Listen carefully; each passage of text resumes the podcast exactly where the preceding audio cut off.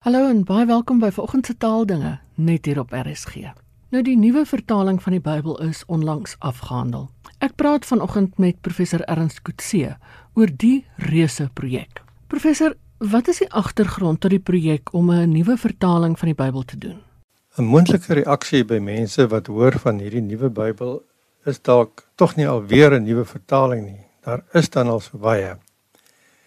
Ina, as 'n mens die gebeure nagaan, sê dat die verskyning van die 1983 vertaling is hierdie uitgawe van die Bybelgenootskap van Suid-Afrika die gevolg en eindpunt van 'n lang en moeisame proses wat al in 1991 begin het.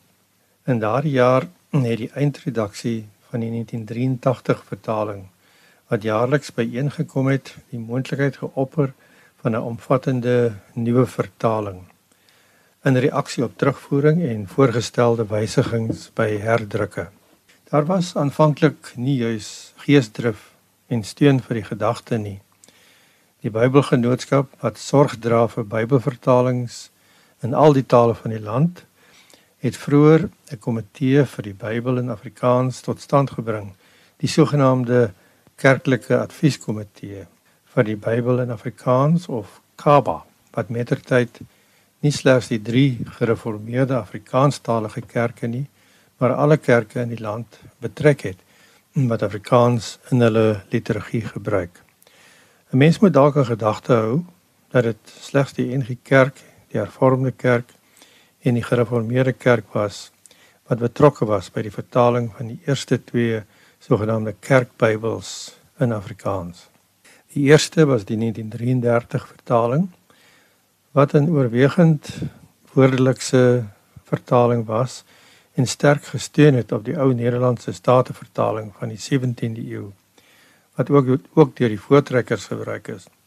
En die tweede, die 1983 vertaling wat 'n totaal ander benadering gevolg het, naamlik met 'n agneming van die moderne leefwêreld en woordeskat van die doeltaallesers. Onder die vleuels van die Bybelgenootskap het Kaba nou by monde van genomineerde verteenwoordigers van alle kerke wat 'n Afrikaanse Bybel gebruik, die behoefte aan 'n nuwe vertaling gemotiveer en aan die Bybelgenootskap gerig. Dit is toe herlei na die leierskap van al die kerke in Suid-Afrika sowel as in Namibië. Wat interessant is, is dat daar toe reeds 'n behoefte uitgespreek is aan 'n Bybel vir dowes Die taal van dowes is naamlik minder afhanklik van taalspesifieke kenmerke.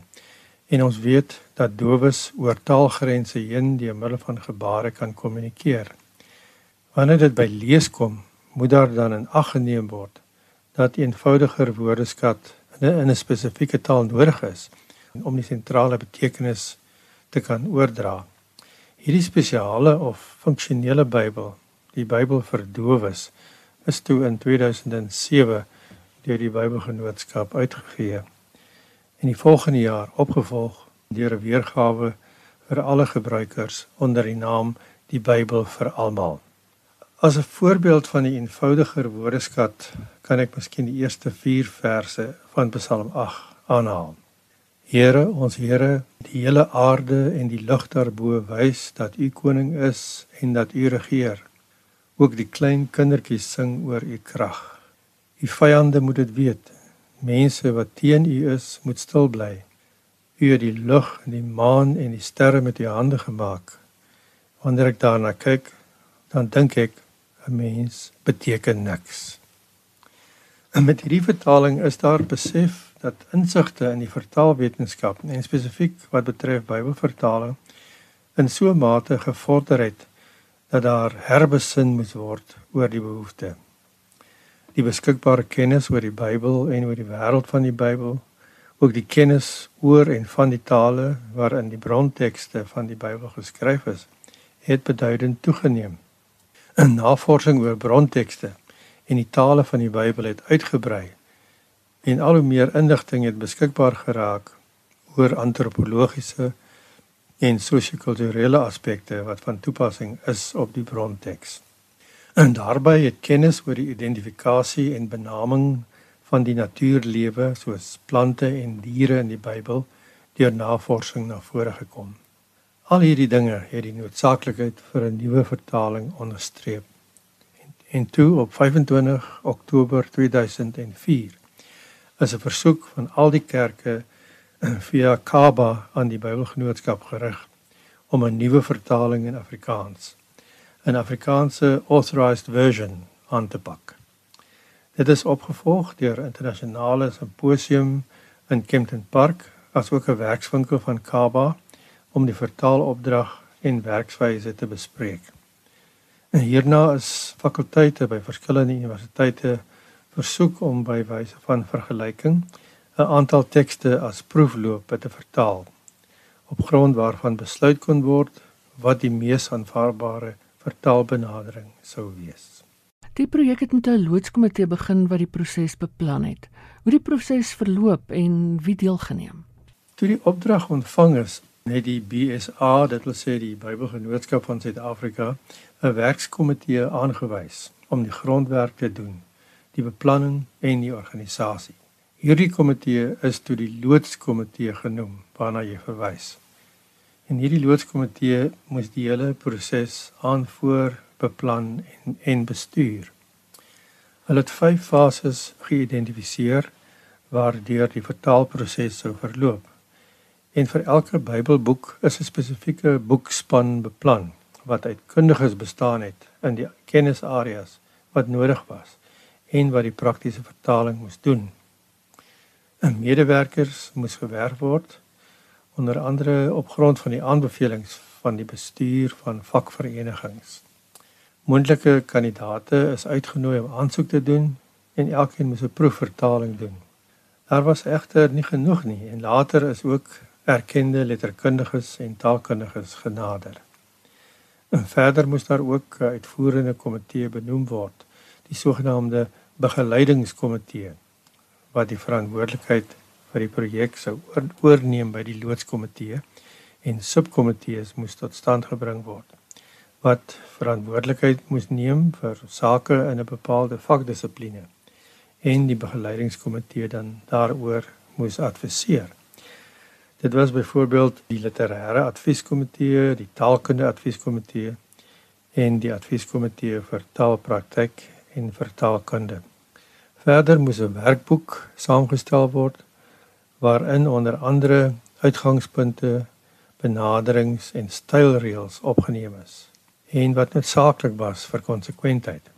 En laastens is opleidingsseminare aangebied oor die aard van die vertaling, die beplande proses en die fases daarvan en oor die gebruik van paratext, die programmatuur wat vir die vertaling gebruik is toe die projekleier naamlik professor Bernard Kombrink deur die BSA aangestel is, het die loodskomitee se werksaamhede tot 'n einde gekom.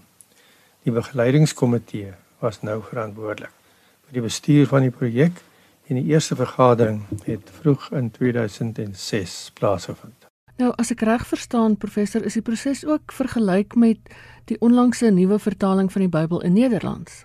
Heeltemal reg. Die Nederlandse nuwe Bybelvertaling het juis in 2004 verskyn. En daar was nou 'n skakeling tussen die BSA en die Nederlandse Bybelgenootskap.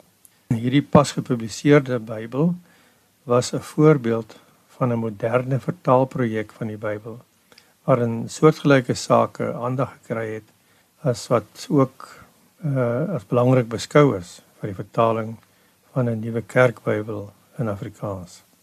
Na oorweging het die Bybel of die begeleidingskomitee van die Bybel vertaling byvoorbeeld in 2007 werksessies gehou met die Bybelwetenskaplike en vertaalkoördineerder van die NBV, dis die Nederlandse Bybelvertaling se vertaalprojek, Dr. Jaap van Dorp.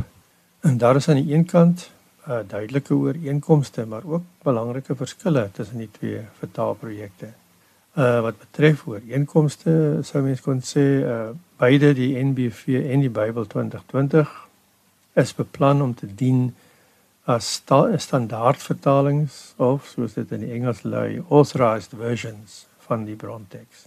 Beide twee uh, ooreenkomste is bronteks georiënteerd en afgestem op 'n getroue weergawe van die leefwêreld van die Bybel maar dan in die vorm van die doeltaal wat pas by die register van die teks en deur soveel moontlik sprekers verstaan sal word.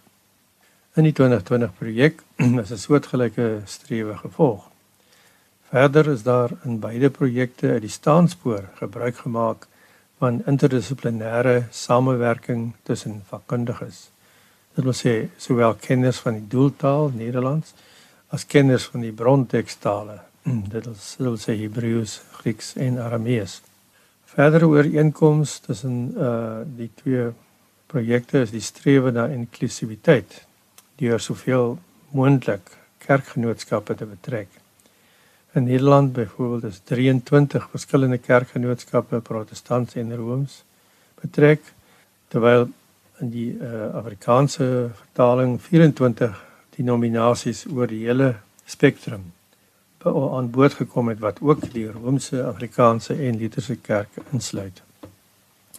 Beide het ook klem geplaas albei projekte op die voorleesbaarheid van die vertaling.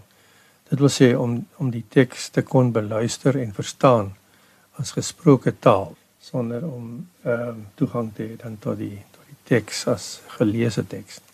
Wat is die verskille tussen die twee projekte?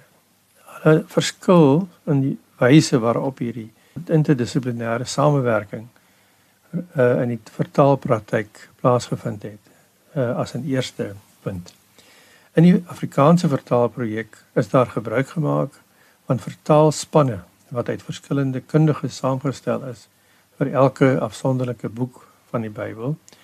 Maar in die NBV se projek van slegs uh, wat hulle genoem het 'n vertaalkoppel of terwyl 'n vertaalpaar. Slegs twee persone per boek was verantwoordelik vir die basisvertaling.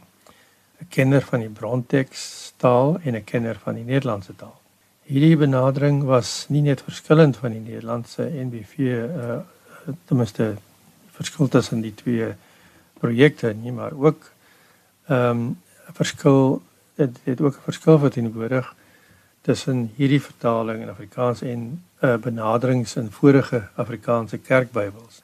By sowel die 1933 as die 1983 vertalings het doeltaalkenners eers laat in die vertaalproses en dan ook 'n adviserende en of redaksionele rol bydra kon lewer. Die vertaling is deur 'n interdissiplinêre span gedoen. Um uit watter dissiplines het die deelnemers gekom? Vir elke Bybelboek in Ou Testament, Nuwe Testament en Deuterokanoniese boeke is 'n vertaalspan deur die BSA aangestel wat bestaan het uit twee eksegete, 'n brontaalkenner en 'n intravertaler, dit wil sê 'n praktisyn of vertaalkundige waarby vanaf die tweede fase ook 'n taalkundige en 'n letterkundige betrokke was.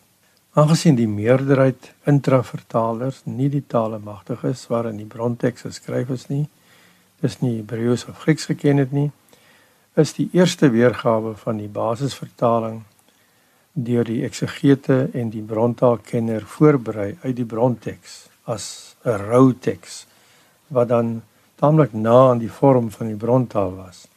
Die intravertalers, dis vertalers uit een vorm van Afrikaans na ander in dieselfde taal, is juis so genoem op grond daarvan dat hulle van 'n eerste vertaling in Afrikaans soos voorberei deur die eksegeet en brontaalkenner gebruik moes maak om dan vanuit die perspektief van die doeltaal Afrikaans 'n bydrae te kan maak tot die basisvertaling wat deur so 'n boekspan voorberei is.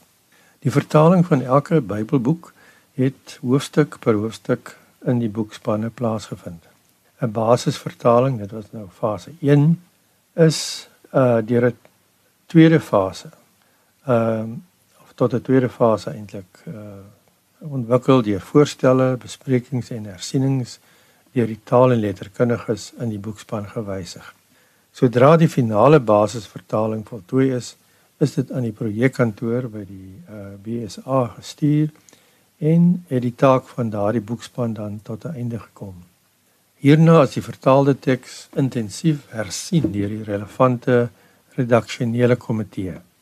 Redaksionele komitee is is saamgestel uit kundiges met dieselfde interdissiplinêre kennis as die in die boekspanne, naamlik eksegete, brontaalkenners, vertaalkundiges, taalkundiges en letterkundiges. Die BSA het uh, drie redaksionele komitees vir die verantwoordelikhede van die eindredaksie aangestel. Een elk vir die Ou Testament, die Nuwe Testament en die Deuterokanoniese boeke of wat ons ken as die apokriewe boeke.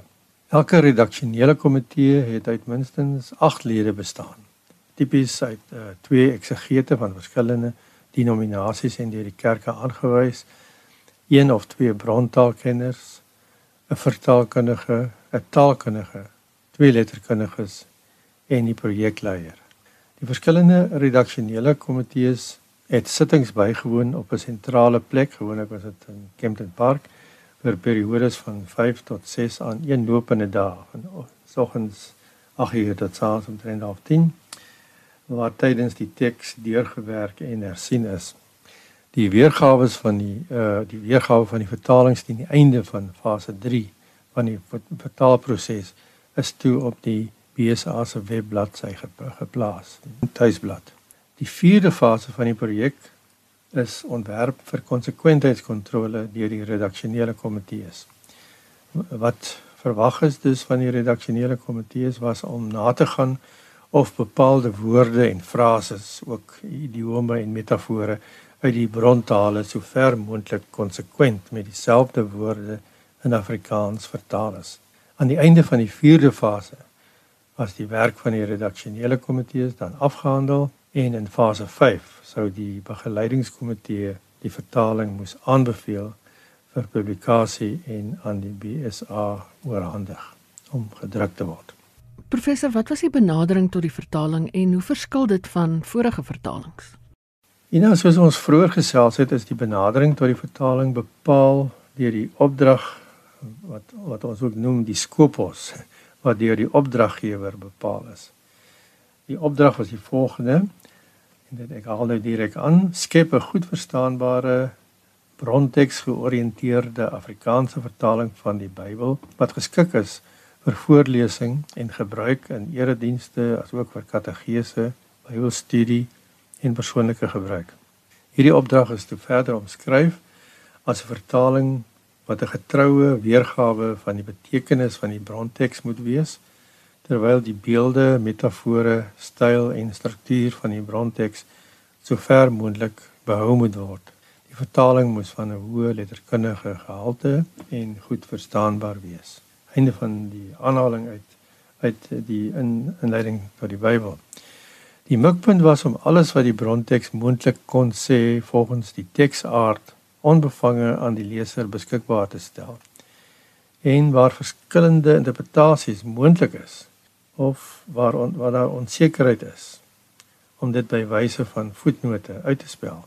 'n Belangrike maatstaf was dat enige dogmatiese interpretasie vermy moes word en dat die leser so duidelik moontlik met die inhoud van die bronteks gekonfronteer word.